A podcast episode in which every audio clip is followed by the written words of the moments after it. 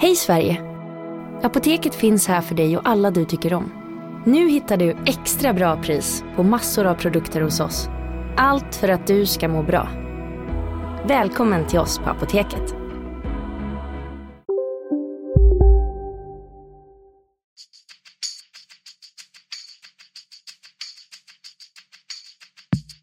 Skönt att komma ut och eh, bara lukta gräset. Så det, är, det är fotboll för mig.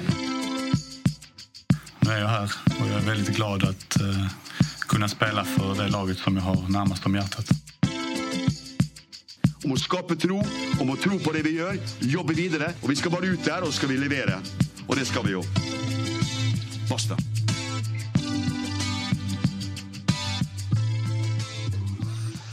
Välkomna tillbaka till MFF-podden. Det här är avsnitt nummer 234 och det första för 2021. Ehm, Jag heter Fredrik Hedenskog, jag har sällskap av Fredrik Lindstrand och Max Wiman. Ehm, Hur... Ja, välkomna, välkomna till 2021 ni också. Hej, hej. Tack. Skönt att äntligen vara här. Vi glömmer 2020 va? Ja, eh, det skulle man gärna vilja göra även om eh, det i högsta grad gör sig påmint även så här inledningsvis 2021.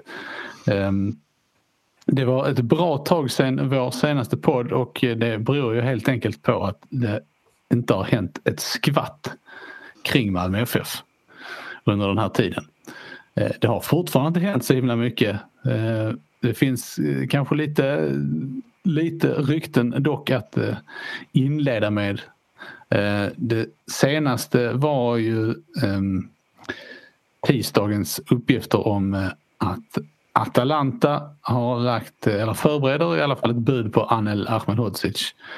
Ehm, och det talades om 50 miljoner kronor. Ehm, och då vill jag börja, börja med att fråga, är det, känns det som... det, var lite, va- det var ju lite vagt uttryckt där. De ska alltså ha köpt en, eh, en annan mittback, eh, u mittback som jag nu tappade namnet på, för 50 miljoner och de skulle alltså kunna tänka sig lägga det eller mer.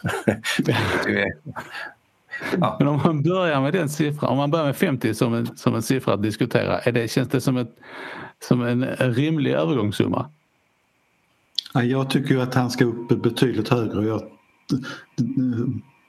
alltså med tanke på hur förra säsongen var och hur han presterade och vad som har hänt så, så tror jag att han ska kunna gå för större pengar än så.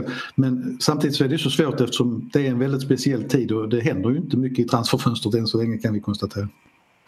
Nej, det är ju det är svårt. Och hur MFF ska resonera rent eh, ekonomiskt tänkt. Kan man få mycket, mycket mer för honom i sommar?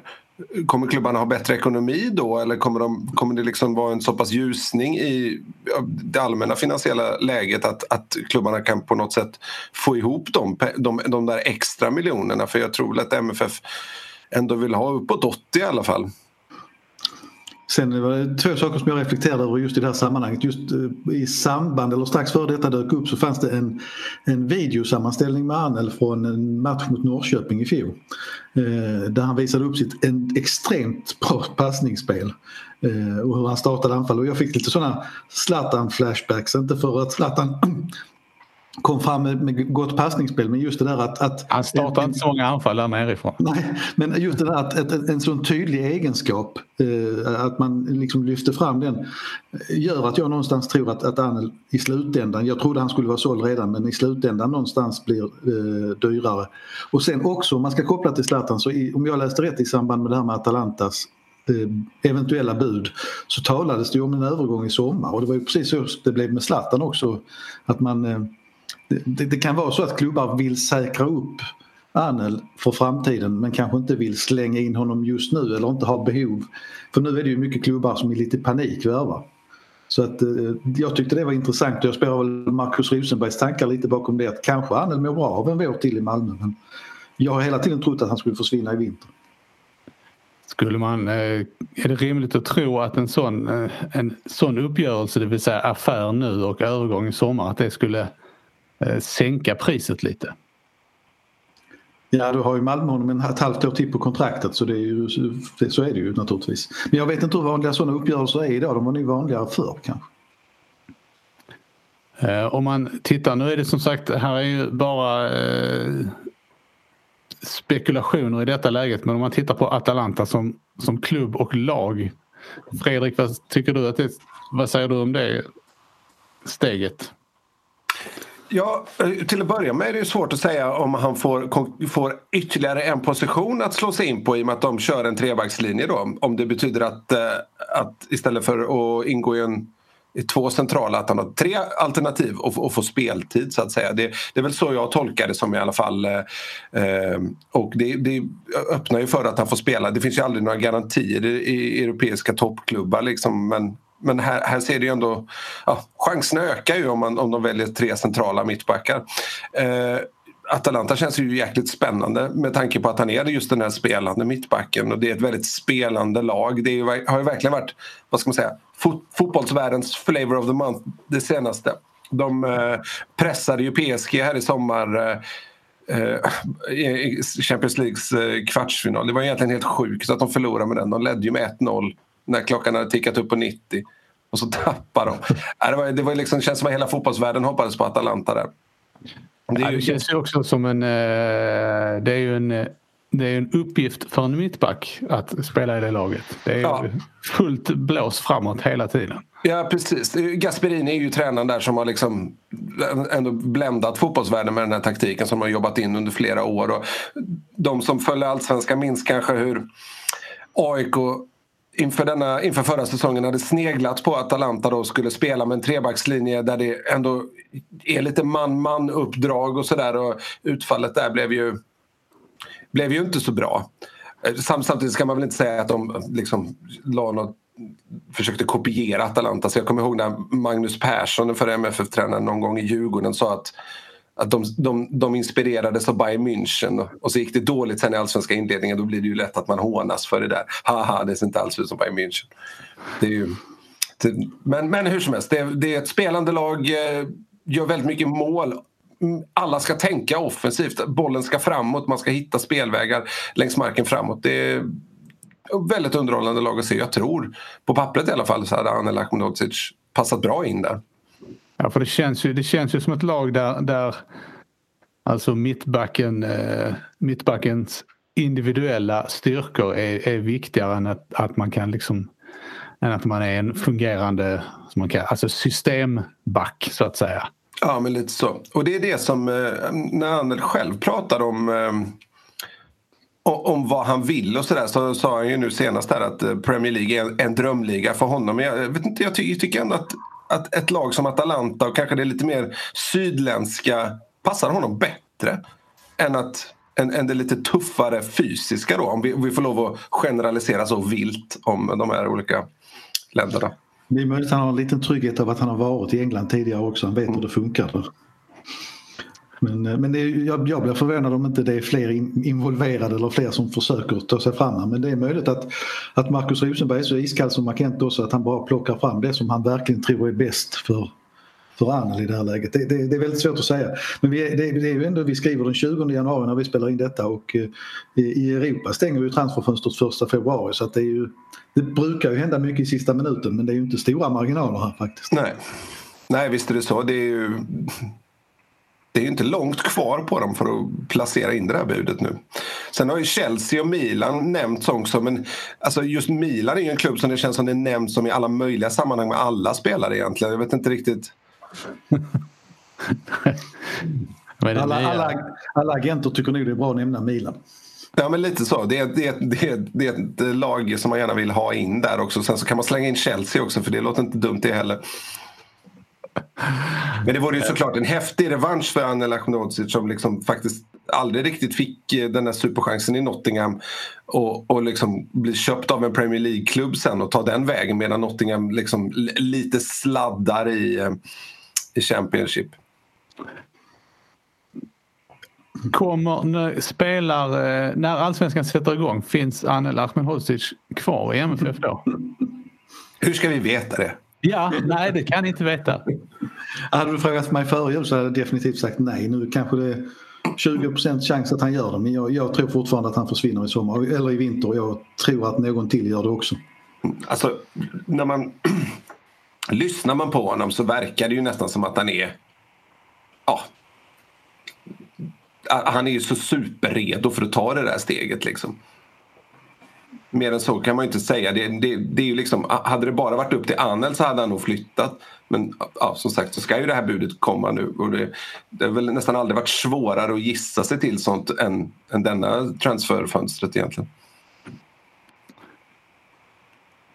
Ehm, jag tänkte vi kunde passa på när, du, eh, när vi ändå nu var inne på Nottingham eh, att bara kort beröra Fouad Bachirous eh, tillvaro också. Ehm, Fredrik, du skrev en kort, eh, kortare text tidigare här under tisdagen, nej onsdag idag.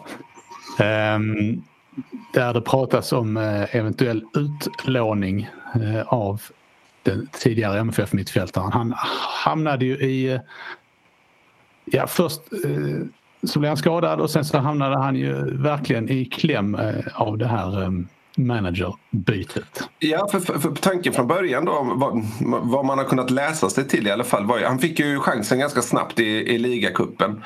Eh, sen så skulle han även startat i, eh, i, i premiären i Championship men så drog han ju på sig muskelskada då, den har ju hållit honom borta ända in i december. Och under tiden där, eh, Nottingham inledde ju säsongen katastrofalt.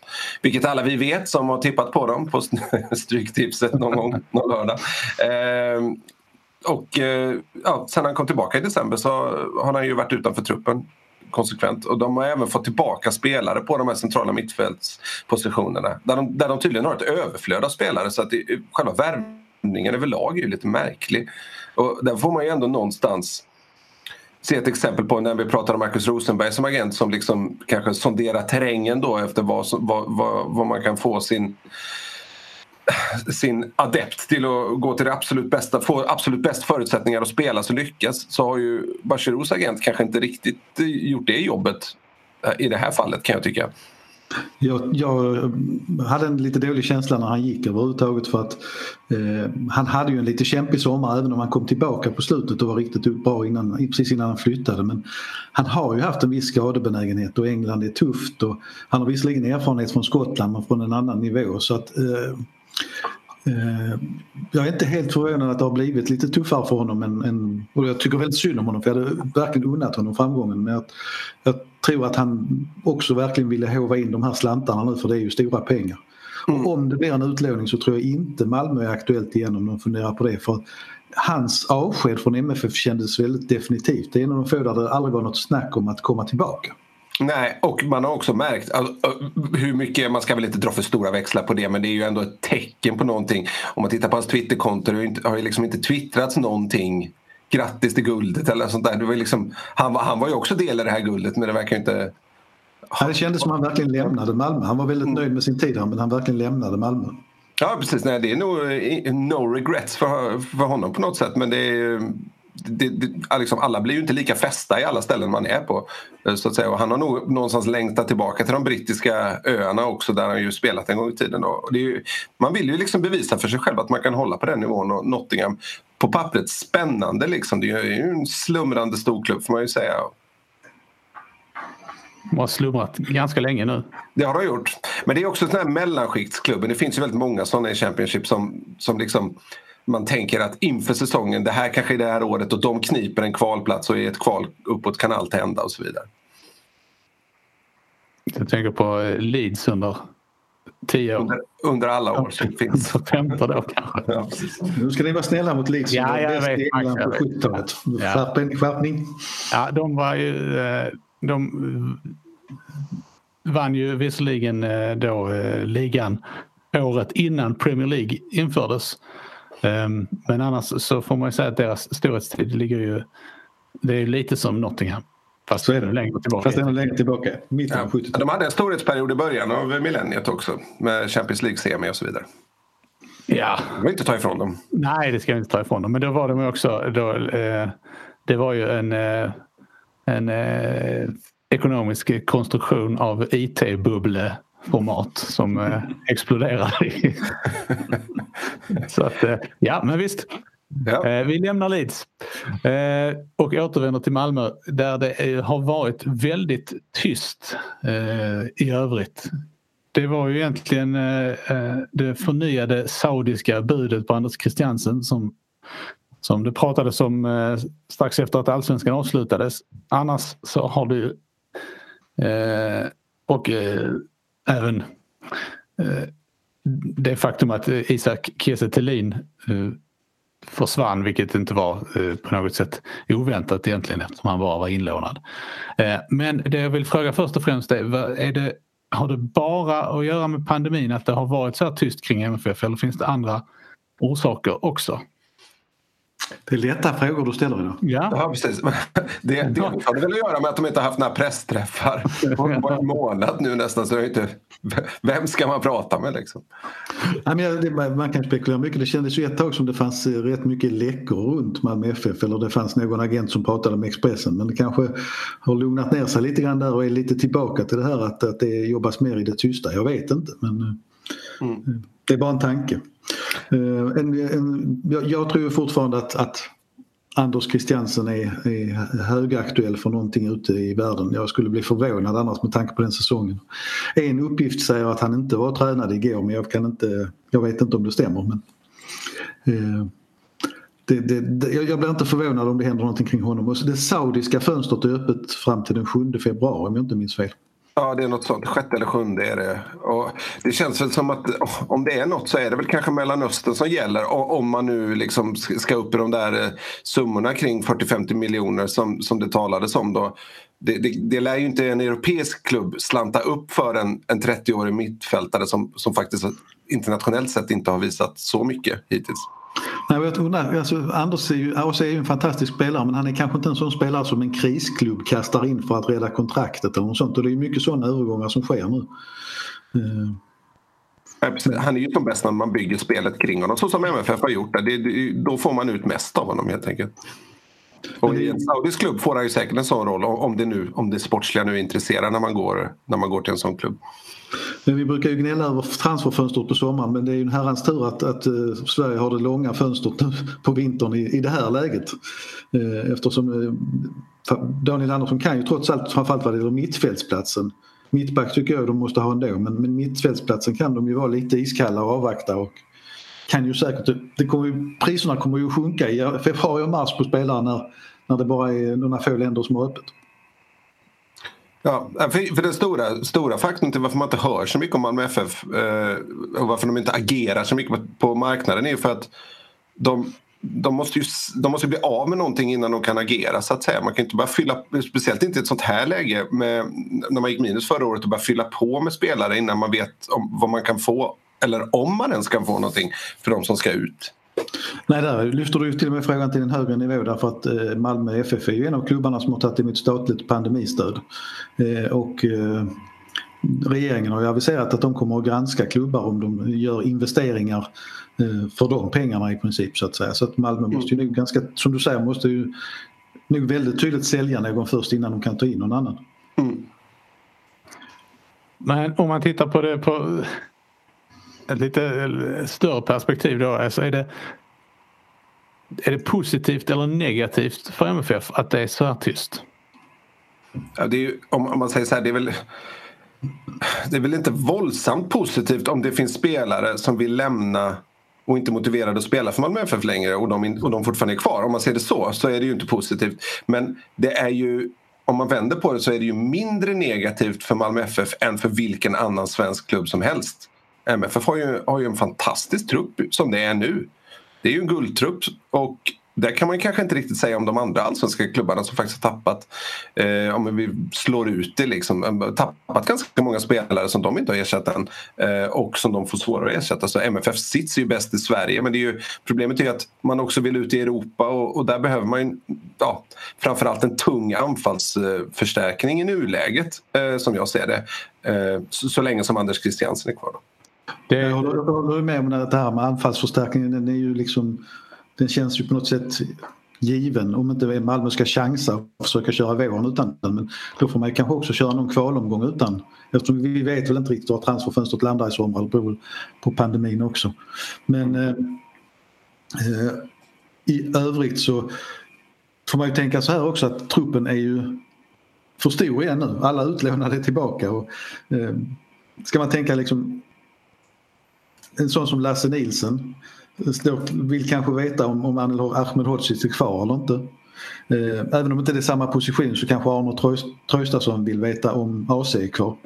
Mm. Alltså, för det känns ju som att det är flera spelare som, man kan även dra in Marcus Antonsson då, eh, som jag gärna ser lyckas men kanske har svårt att se att han skulle vara den där ersättaren för Thelin där framme trots allt. Då får han ju verkligen hitta tillbaka till god form. Men det är många frågetecken på det sättet. Det är många andra som påverkas i truppen om andra flyttar. Eh, vad gäller eh, ersättare till Kiese Thelin så eh, eh, även om du berörde det här Max så tänker jag att det kan vara värt att, att prata lite mer om. Jag är lite nyfiken på hur ni tänker kring detta. Alltså är det kan MFF ha, behöver han ersättas nu i detta fönstret eller kan MFF, har MFF marginal att, att vänta och, och, och leta den ersättaren, eller att leta kan man göra innan, men att ta in den ersättaren först i sommar? Alltså, ja och nej. Eh, det, det, finns ju interna lösningar eh, som gör som till exempel eh, Amin Sarr eller Marcus Antonsson eller Jo Inge Berget för den delen som gör att man kan hantera åtta allsvenska omgångar samt ett eh, kuppspel. Det, är ju, det råder det inga tvivel om tycker jag. Det, samtidigt så handlar det om att få in den där tunga anfallsvärvningen för att kunna sätta ett spelsystem eh, inför Europaspelet som är ju oerhört viktigt eh, den här sommaren. Verkligen hitta rätt där. Alltså, det är ju inget som säger att man inte kan göra det med en sommarvärvning också men då har man ju betydligt kortare tid på sig och marginalerna blir, blir mindre. Liksom. Det, det är ju någonstans där, där problemet ligger så att säga. Jag tycker att det är lite extra komplext i år med om vi drar in Anders Christiansen i det hela därför att Christiansen och Kiese Thelin svarade för så oerhört mycket mål. Mm. Eh, och skulle Malmö tappa både Thelin och AC Eh, då är det mitt svar att då måste du ha in en riktig målgörare i vinter. Alltså för att du tappar så mycket poäng. Eh, jag kan inte riktigt säga att någon i truppen ska plocka upp det från mittfältet i ACs roll. Eh, så att det, det, det var ju det var ett litet problem i fjol att de svarade för så oerhört mycket poäng och mål. Toivonen kom ju, kom ju med en del men det var, det var inte alls på den nivån. Och jag vet inte om vi vågar vänta oss att han ska höja skörden så otroligt mycket jag tror eh, framförallt Anders Christiansen blir ju enormt svår att, eh, att ersätta. Isak Gestelin tror jag förstås också svår att ersätta men eh, där har jag ändå någon tanke om att Malmö FF kan lyfta med ett lite annorlunda spelsätt. Och det, nu, nu är ju liksom, det här är ju den här tiden på året då en tränare gjuter mod i spelare som har haft eh, tufft innan. Liksom eh, Tomasson säger att han kan se Antonsson som en nummer nio till exempel. och så där. Det, det vet man inte riktigt om det stämmer. Liksom, men, eh, men, men, och, att byta spelartyp där uppe skulle faktiskt också kunna lyfta spelet ganska mycket. Och, och få det bli mer effektivt, kanske mer rörligt. Jag vet inte. Det, det, det finns ju liksom mycket och, det, det, är en väldigt intressant position där mycket kan hända. Medan Anders Christiansens roll är ju ganska tydlig vad man vill ha av en spelare i den rollen. Man vill att han ska vara Anders Christiansen, den som ersätter. Det, det, det, liksom, det måste komma en, en 2.0-version där. Medan nummer 9-rollen går ju att, att liksom hitta en annan typ. Och som till exempel då eh, Gyökeres som, som MFF skulle ha varit intresserad av här i, i, i vinter då, som varit utlånad till Swansea från Brighton. Man vet, man vet ju förstås inte hur heta MFF var på den här grö, gröten men hade man valt att, va, valt att satsa på honom istället så skulle man ju få göra om sitt anfallsspel lite. Han är inte samma typ som Isak Kistelin riktigt. Eh, jag tänker att det kommer att eh, klarna här under eh, de kommande veckorna. Ja, det blir spännande att se vad som händer fram till första februari framförallt. Alltså det är mm. ingen tvekan om det. Um, I MFFs trupp så finns det också ett par spelare till vars situation uh, jag tänkte vi kunde ta och diskutera. Vad händer till exempel med uh, Rasmus Bengtsson? Vi är specialister på det vi gör, precis som du. Därför försäkrar vi på Swedea bara småföretag som ditt. För oss är små företag alltid större än stora och vår företagsförsäkring anpassar sig helt efter firmans förutsättningar. Gå in på swedea.se företag och jämför själv.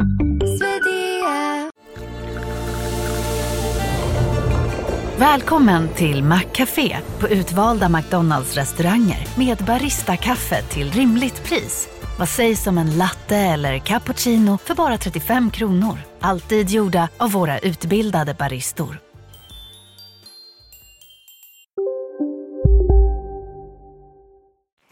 Ytterligare en fråga med ett djupt svar. Jag hänvisar alla sådana frågor till eh, Malmö FFs VD Niklas Ja, det är en personalfråga, det är riktigt. Nej men det är, det är ju jätteknepigt. Vad jag förstår så, så eh, det, det ska ju sig mellan Thomasson och Bengtsson eh, tidigt och jag tror det handlade om eh, Rasmus knäskada från början. Sen var det säkert saker som utvecklades. Och sen handlade det väl mycket om spelsättet. Man ansåg inte att Rasmus kanske var rätt spelare. Om man jämför det med en sån som Annel att, att eh, gå högt i banan och vara lite snabbare. Och, eh, man valde bara ett spelsätt och jag har ju väldigt svårt att se att den här situationen skulle ha förändrats över vintern. Och bara det faktum att frågan ligger hos, i vdns knä det låter ju lite alarmerande. Det låter ju som att det finns knutar som inte är upplösta och kanske inte går att lösa upp. Så att, ja. Jag tycker det är djupt tragiskt och tråkigt att, att, att Rasmus inte fick möjlighet och chansen i ett spelsystem där han fungerar. Eh, att visa hur duktig spelare han är men, men han kan ju inte gå så här för det är inte bra vare sig för truppen eller honom. Och det, det, det är klart att det är ett underbetyg för MFF att man inte har lyckats lösa den här situationen. Det är lite fascinerande att han, att han är igång och tränar igen. Samtidigt måste han det för att kunna komma vidare. Men... Eh. Nej, men man trodde som sagt att det skulle ha löst sig ja. innan. Det, just nu så känns det ju nästan som någon slags lite chicken race mellan, mellan Thomasson och Bengtsson där bo, båda kräver ursäkt av varandra på något sätt. Och, och, och MFF står lite mittemellan och, och, och verkar inte riktigt veta hur man ska agera, inte utåt i alla fall för det är väldigt otydligt allting. Det är ju så här, frågorna hänvisas till Niklas Carlén men han ger ju inte direkt några väldigt tydliga svar på, på, på hur läget är och, och, hur det har blivit så här. Det, det, bli, det har ju blivit, blivit en fars av det hela nästan. Det, det känns ju väldigt märkligt. Ja, på vilken arbetsplats som helst så är det bara att konstatera att det inte är bra att ha en sån här situation som man liksom inte kan komma ur på något sätt verkar det som. Det, det är väldigt, väldigt märkligt.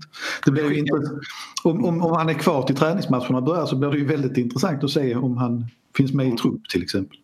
Mm. Alltså att han är med och tränar känns ju ändå inte så himla men han har eh, han har flyttat hem med familjen och eh, har rotat sig, återrotat sig. Eh, det finns ju inte jättemycket många alternativ i närheten. Om man ska Nej, men, men, det fanns ju inga... Det, läget var ju detsamma i december. Då skickades han ju på en tidig semester. Då, det förstår man inte riktigt varför han gjorde då. Behövde han liksom kyla ner sig lite grann? Var det det som var... Nej, jag vet, jag vet inte hur de här kontrakten ser ut. Han kanske har... Eh, han kanske har liksom... Eh, eller MFF kanske inte har rätt att eh, hålla honom borta från träningen. Om man inte Nej, har gjort sig skyldig till någon sorts kontraktsbrott. Nej, så, kan, så, så, kan det vara. Men det är en väldigt märklig och väldigt spännande situation. Jag är inte den som jag brukar ju säga att jag inte älskar det här med silly season men, men hela den här situationen... Men det gör du. Nej, det gör jag inte. Men, men man skulle vilja veta mer vad som fanns bakom kulisserna i hela den här situationen med Arnel eventuellt på väg bort. Lasse Nilsson har uttryckt att han kanske vill bort. Rasmus Bengtsson i, i iskyla. Alltså, eh, vem spelar mittbackar i Malmö FF? Om två veckor undrar man ju. Nej precis, det, ju, det börjar ju kanske bli läge att göra allvar av den här eh, omskolningen av Oskar Lewicki. Ja. Eh, det skulle... Det är kämpigt. Försvinner, försvinner Christiansen utan eh, någon ersättare så måste han ju nästan spela på mittfältet. Ja precis. Ja, men då är han ju där på alla positioner. Som vanligt. med, en, en osäker situation på Johan Dahlin så är det inte omöjligt att han tar steg, ett ner.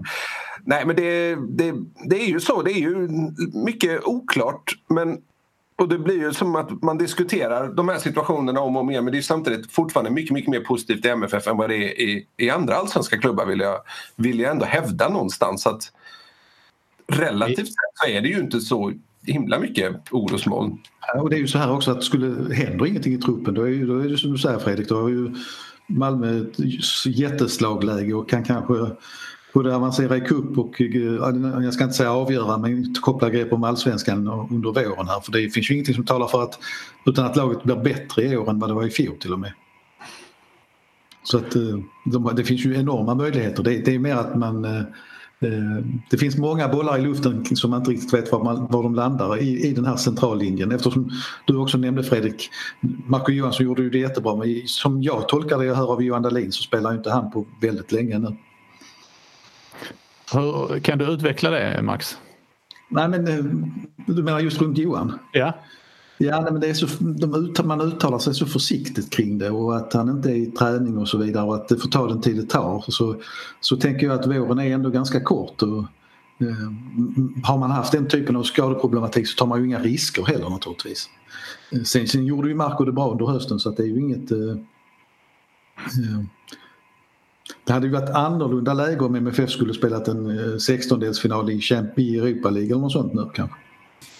Jag tänkte när vi, eh, Fredrik var inne här på, eh, ja och Max också för den delen, om, om resten av allsvenskan. Alltså eh, den här situationen som, som hela samhället befinner sig i. Hur, alltså hur, mycket, hur länge klarar sig allsvenskan så som det är nu? Hur länge klarar sig allsvenskan utan publik och hur länge klarar sig alltså innan, innan den stora massan så att säga tappar intresset för allsvenskan? Ja, det kanske redan har skett. Det vet man ju inte.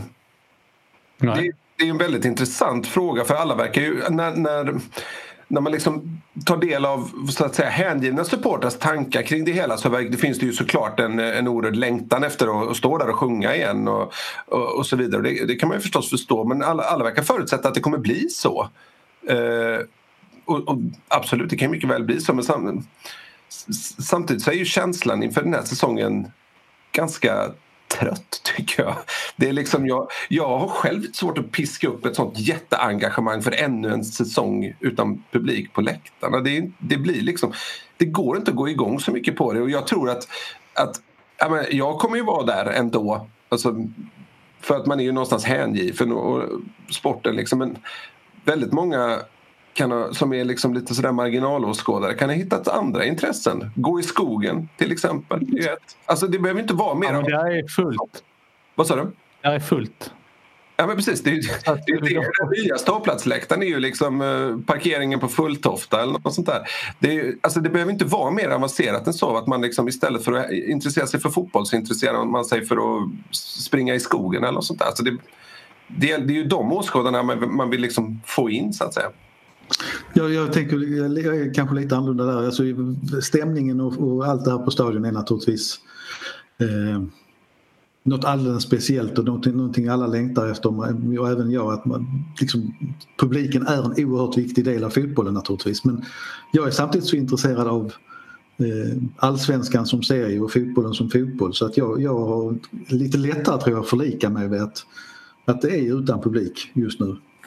Eh, Däremot så tror jag att det kan liksom ta två vägar. Jag, jag tror det finns en risk att människor är, kommer att vara rädda att återvända till fulla läktare. Eh, och då menar jag inte av säkerhetsskäl utan av pandemiskäl. Alltså jag tror det kommer att ta tid innan det här sätter sig att man vågar, för många människor. Eh, vad det gäller själva intresset för allsvenskan och MFF så tror jag det kan, kan bli tvärtom att det blir ännu större igen på något sätt. Alltså att det blir en nystart där man samlas. Eh, Men som sagt, det, balansgången är vilka som väljer att verkligen gå till stadion eller vilka som inte tycker att man vågar och vill göra det. det, det jag tror inte den, den frågan är helt enkel.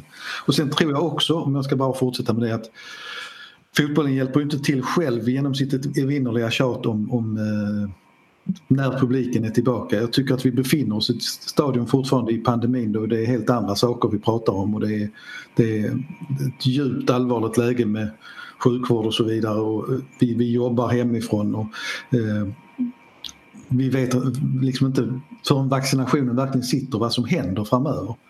Eh, så jag tror att det vore bättre för alla parter att vara inställda på att det här är Blir det ett litet publikpåsläpp i vår så är det fine. Men eh, det är inte så att de stora massorna kommer att komma tillbaka nu och det är faktiskt inte det viktigaste i världen just nu att, att komma in där. Sen kan man prata hur mycket man vill om att fotbollen kan vara, agera på ett smittsäkert sätt och så vidare. Men det är bara att titta runt om i världen hur det ser ut. Att det, är inte, det är inte där fokus ligger just nu. Vi är inte så långt framme i det här. Vi hade hoppats att vi skulle vara där men vi är inte där. MFFs senaste årskortssiffror tyder ju också på att eh, många resonerar lite som du, Max. Jo, man, man har ju möjligheten till också för nu har de flyttat fram till sista februari att man ska bestämma sig. Och det, det, det, det, läget Men det är ju ändå, det är ändå väldigt, väldigt få Ja, sålda. det är det absolut. Och det är ju, det, vi, vi är ju en väldigt osäker tid och vi, det, det, är ett privilegium så länge vi kan, att vi kan ha professionell idrott i någon form. Eh, där fotbollen kanske har lättast ändå eftersom den är utomhus. Ja, inomhusidrotterna borde ju haft pauser här under vintern tycker jag i alla fall. Ja, där är det mycket som eh, känns tveksamt. Ja, där gick man ju in i säsongerna och trodde att allt var som vanligt och skulle spela sju ja. omgångar i hockey och sånt där. Liksom. Det, men ja. andra, tittar man på NHL så har de ju anpassat sig till exempel. Ja, om man försöker hänga med i spelprogrammen i, i handboll och innebandy och, och eh, hockey och basket och så, så eh, har man eh, mycket att göra. Ja, och därför tror jag också att fotbollen borde fokuserat mer på eh, att man är i den situationen man är och liksom sälja in den så bra det går så att säga. Sen är det klart, jag förstår att klubbarna blöder ekonomiskt och de behöver sin publik men tyvärr är det ju så hela samhället ser ut nu med företag och så vidare att, att eh, det är saker vi inte kan påverka så mycket. Är det eh, Fredrik återigen så att, att det ändå är eh, liksom att, att det här läget är mindre allvarligt för, eh, för MFF än för konkurrenterna? Det är svårt att säga. MFF... Det, när, när man är väldigt, eh, för att vara bäst måste man, MFF måste ju satsa pengarna de har fått från Champions League också. Och eh, då kan ju fallet bli, bli hårdare och så. Men det är ju, alltså det är ju alltid bra att ha en välfylld kastarkista. Det får man ju ta som någon slags tumregel. De ju, kan ju bättre hantera det där. De har ju, sen har de ju mycket större utgifter truppmässigt och så vidare än, än de flesta andra. Det är ju ingen som kommer i närheten av MFFs truppbudget till exempel. Det är ju så också så att en, eh, en försäljning av Anel Ahmedhodzic skulle ju inbringa väldigt mycket pengar och skulle ju balansera förlusten för förra året till stor del. Eh, och no, alltså, det kan låta hårt men Anel känns ju ändå som det är lite lättare att ersätta än typ Anders Christiansen. Alltså eh, utan ett, ett, ett, ett, ett bra offensivt lag, i alla fall i allsvenskan, är inte lika beroende av en, en ung och lovande mittback som man ändå måste sälja förr eller senare så att säga. Så att, ekonomin kan ju ligga mycket i en försäljning av honom. Eh, no, det känns ju också, jag menar, en, en god ekonomi är ju ändå ingen, ingen garanti för att um, för att allting rullar på och fungerar som det ska. Det räcker ju att man uh, tittar på IFK Norrköping för att uh, se hur, hur snabbt saker och ting kan uh, spricka i sömmarna. Mm. Det finns ju alltid det här skräckexemplet eh, Göteborg hur de blev av med sina Champions League-pengar. I slutet av 90-talet var i och för sig inte samma storleksordningar som, som eh, det är nu förstås. Men det, men det, är ändå, det, det, det går ju att, att schabbla bort det så att säga. Det är inte lätt. Det finns ju ingen manual för, för hur man ska agera i den situationen MFF är. Speciellt inte med svenska mått mätt. Men hittills har ju MFF klarat balansgången på ett väldigt, väldigt bra sätt. Du har en poäng när du nämner Norrköping eh, Fredrik också det här med att det känns ju som Malmö är en, eh, bortsett från kanske då från historien runt Rasmus Bengtsson, men en, en väldigt harmonisk tillvaro. Eh, Norrköping verkar vara fullständigt kaos. Jag förutsätter att pressen är väldigt stor både i AIK och Djurgården på att det, och Göteborg inte minst på att det måste ske förändringar och förbättringar. Eh, Hammarby har ju värvat Selmani och det känns ju som de, de är väl kanske de som ser, det ser mest lugnt ut av de här förmodade topplagen. Kanske även Häcken, jag vet inte. Men jag tror att, att det är få lag som har sån harmoni och lugn trots allt som Malmö har. Både ekonomiskt och sportsligt. Mm. Ja, men så är det du. Ja, men som sagt, det är ju alltid bra att ha en välfylld kastarsista. Det är alltid bättre att ha en sån än att inte ha det. så att säga. Det, kan vi, det skriver vi under på. Ja precis. Nej, men det behöver man ju inte vara, behöver man inte vara äta, vad heter han, Ingves för att, för att lista ut. Stefan Ingves. Ja, Riksbankschefen alltså. Räntemannen. Mm. Um, MFF har ju eh, under de här eh, veckorna som vi har haft radiotystnad också bestämt att det inte blir något träningsläger. Inte så förvånande beslut men det var ett, ändå ett beslut som fattades efter viss vånda. Hur, hur kommer det att påverka saker och ting tror ni?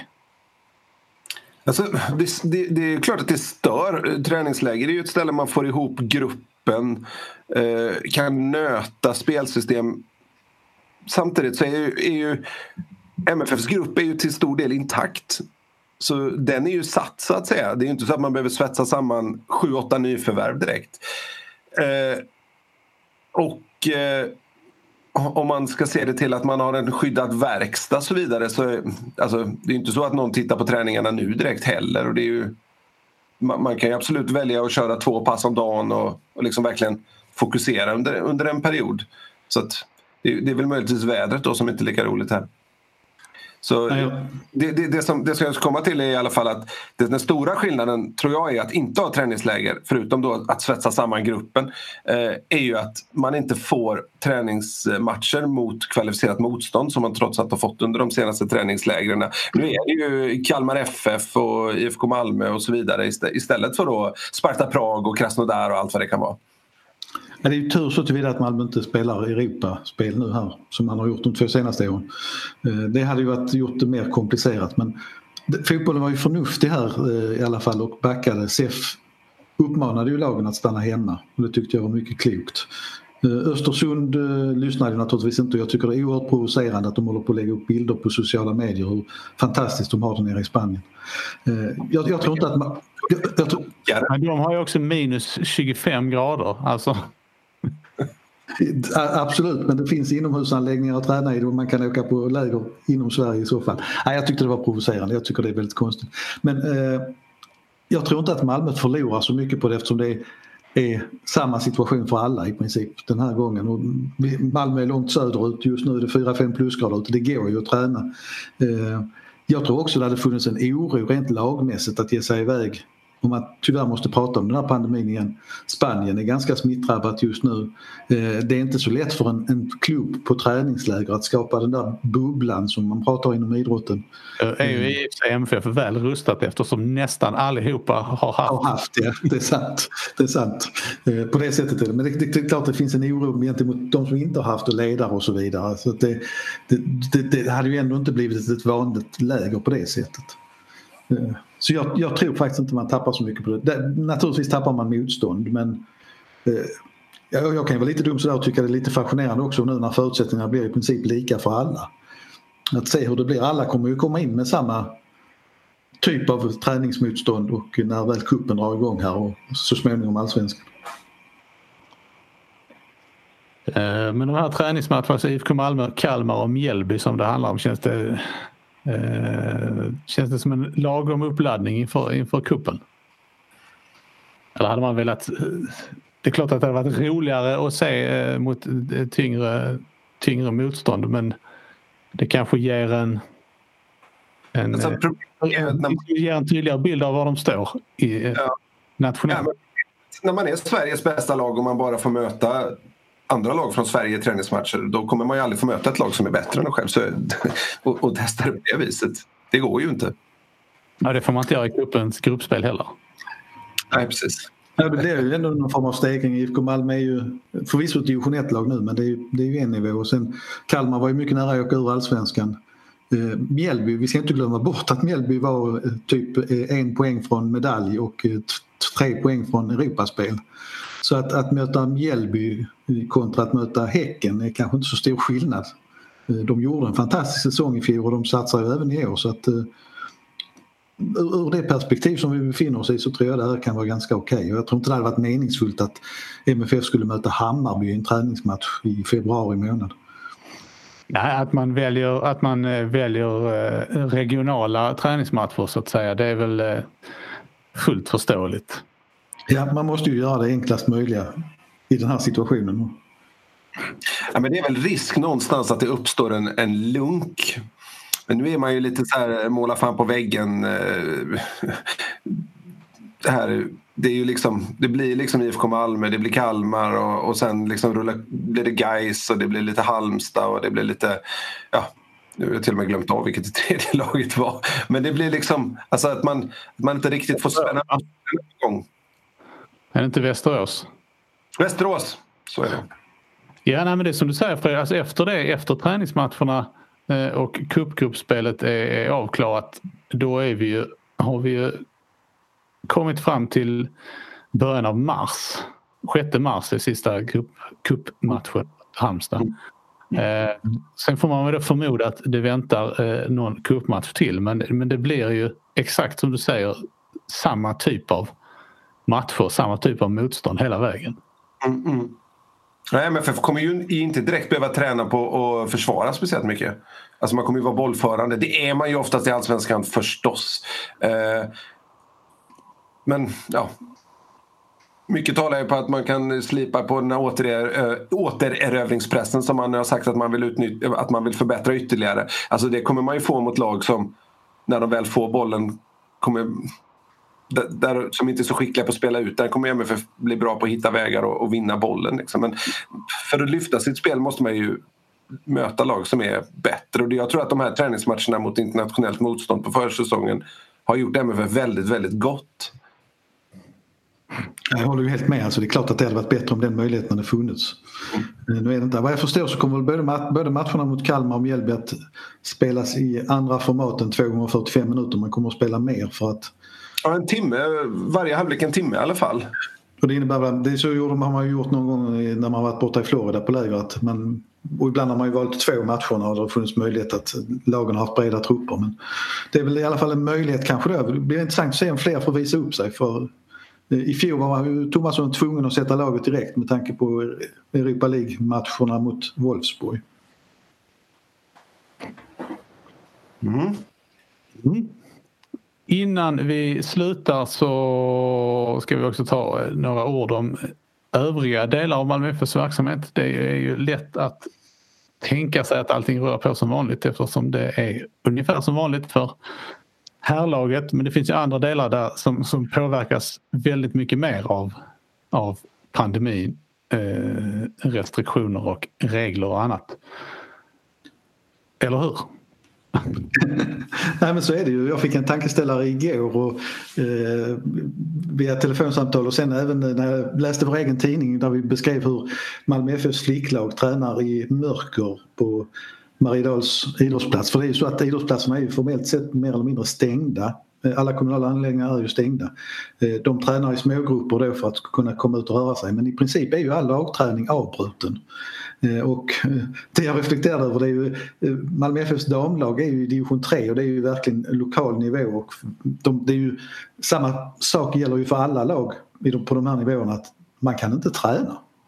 Men det är klart att för en förening och ett lag som har ambitionen att, att vara på en annan nivå redan nu och vara väldigt professionellt i sin verksamhet redan i division 4 så blir det ju en ny sån där liten eh, konstig grej under uppladdningen eller vandringen uppåt i systemet att man, man faktiskt inte kan träna. Man har alltså en oerhört stor verksamhet eh, en stor stab uppbyggd och man har ju väldigt ambitiösa planer men det är ju individuell träning, löpträning i princip som gäller just nu och så, och så ser det ju ut för idrotten.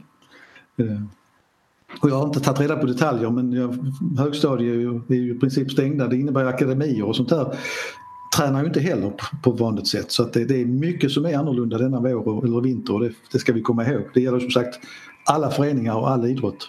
Eh, och det är lätt att glömma bort det just när man pratar om en, en förening som har en elitverksamhet. För det är så lätt att liksom bara, ja men allt är som vanligt men det är det ju verkligen inte.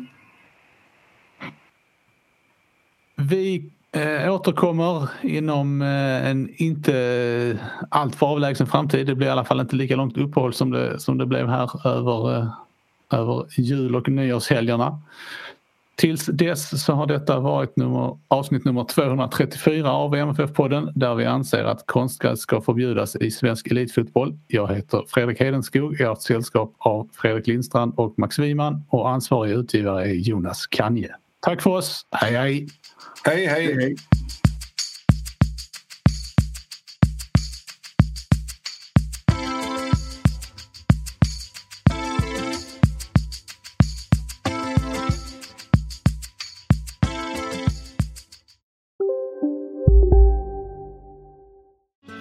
Susanne Axel här. När du gör som jag och listar dig på en av Krys vårdcentraler får du en fast läkarkontakt som kan din sjukdomshistoria. Du får träffa erfarna specialister, tillgång till lättakuten och så kan du chatta med vårdpersonalen. Så gör ditt viktigaste val idag, Lista dig hos Kry. Ni är med om det största. Och det största är den minsta. Ni minns de första ögonblicken. Och den där blicken gör er starkare. Så starka att ni är ömtåliga. Men hittar trygghet i Sveriges populäraste barnförsäkring. Trygg Hansa. Trygghet för livet.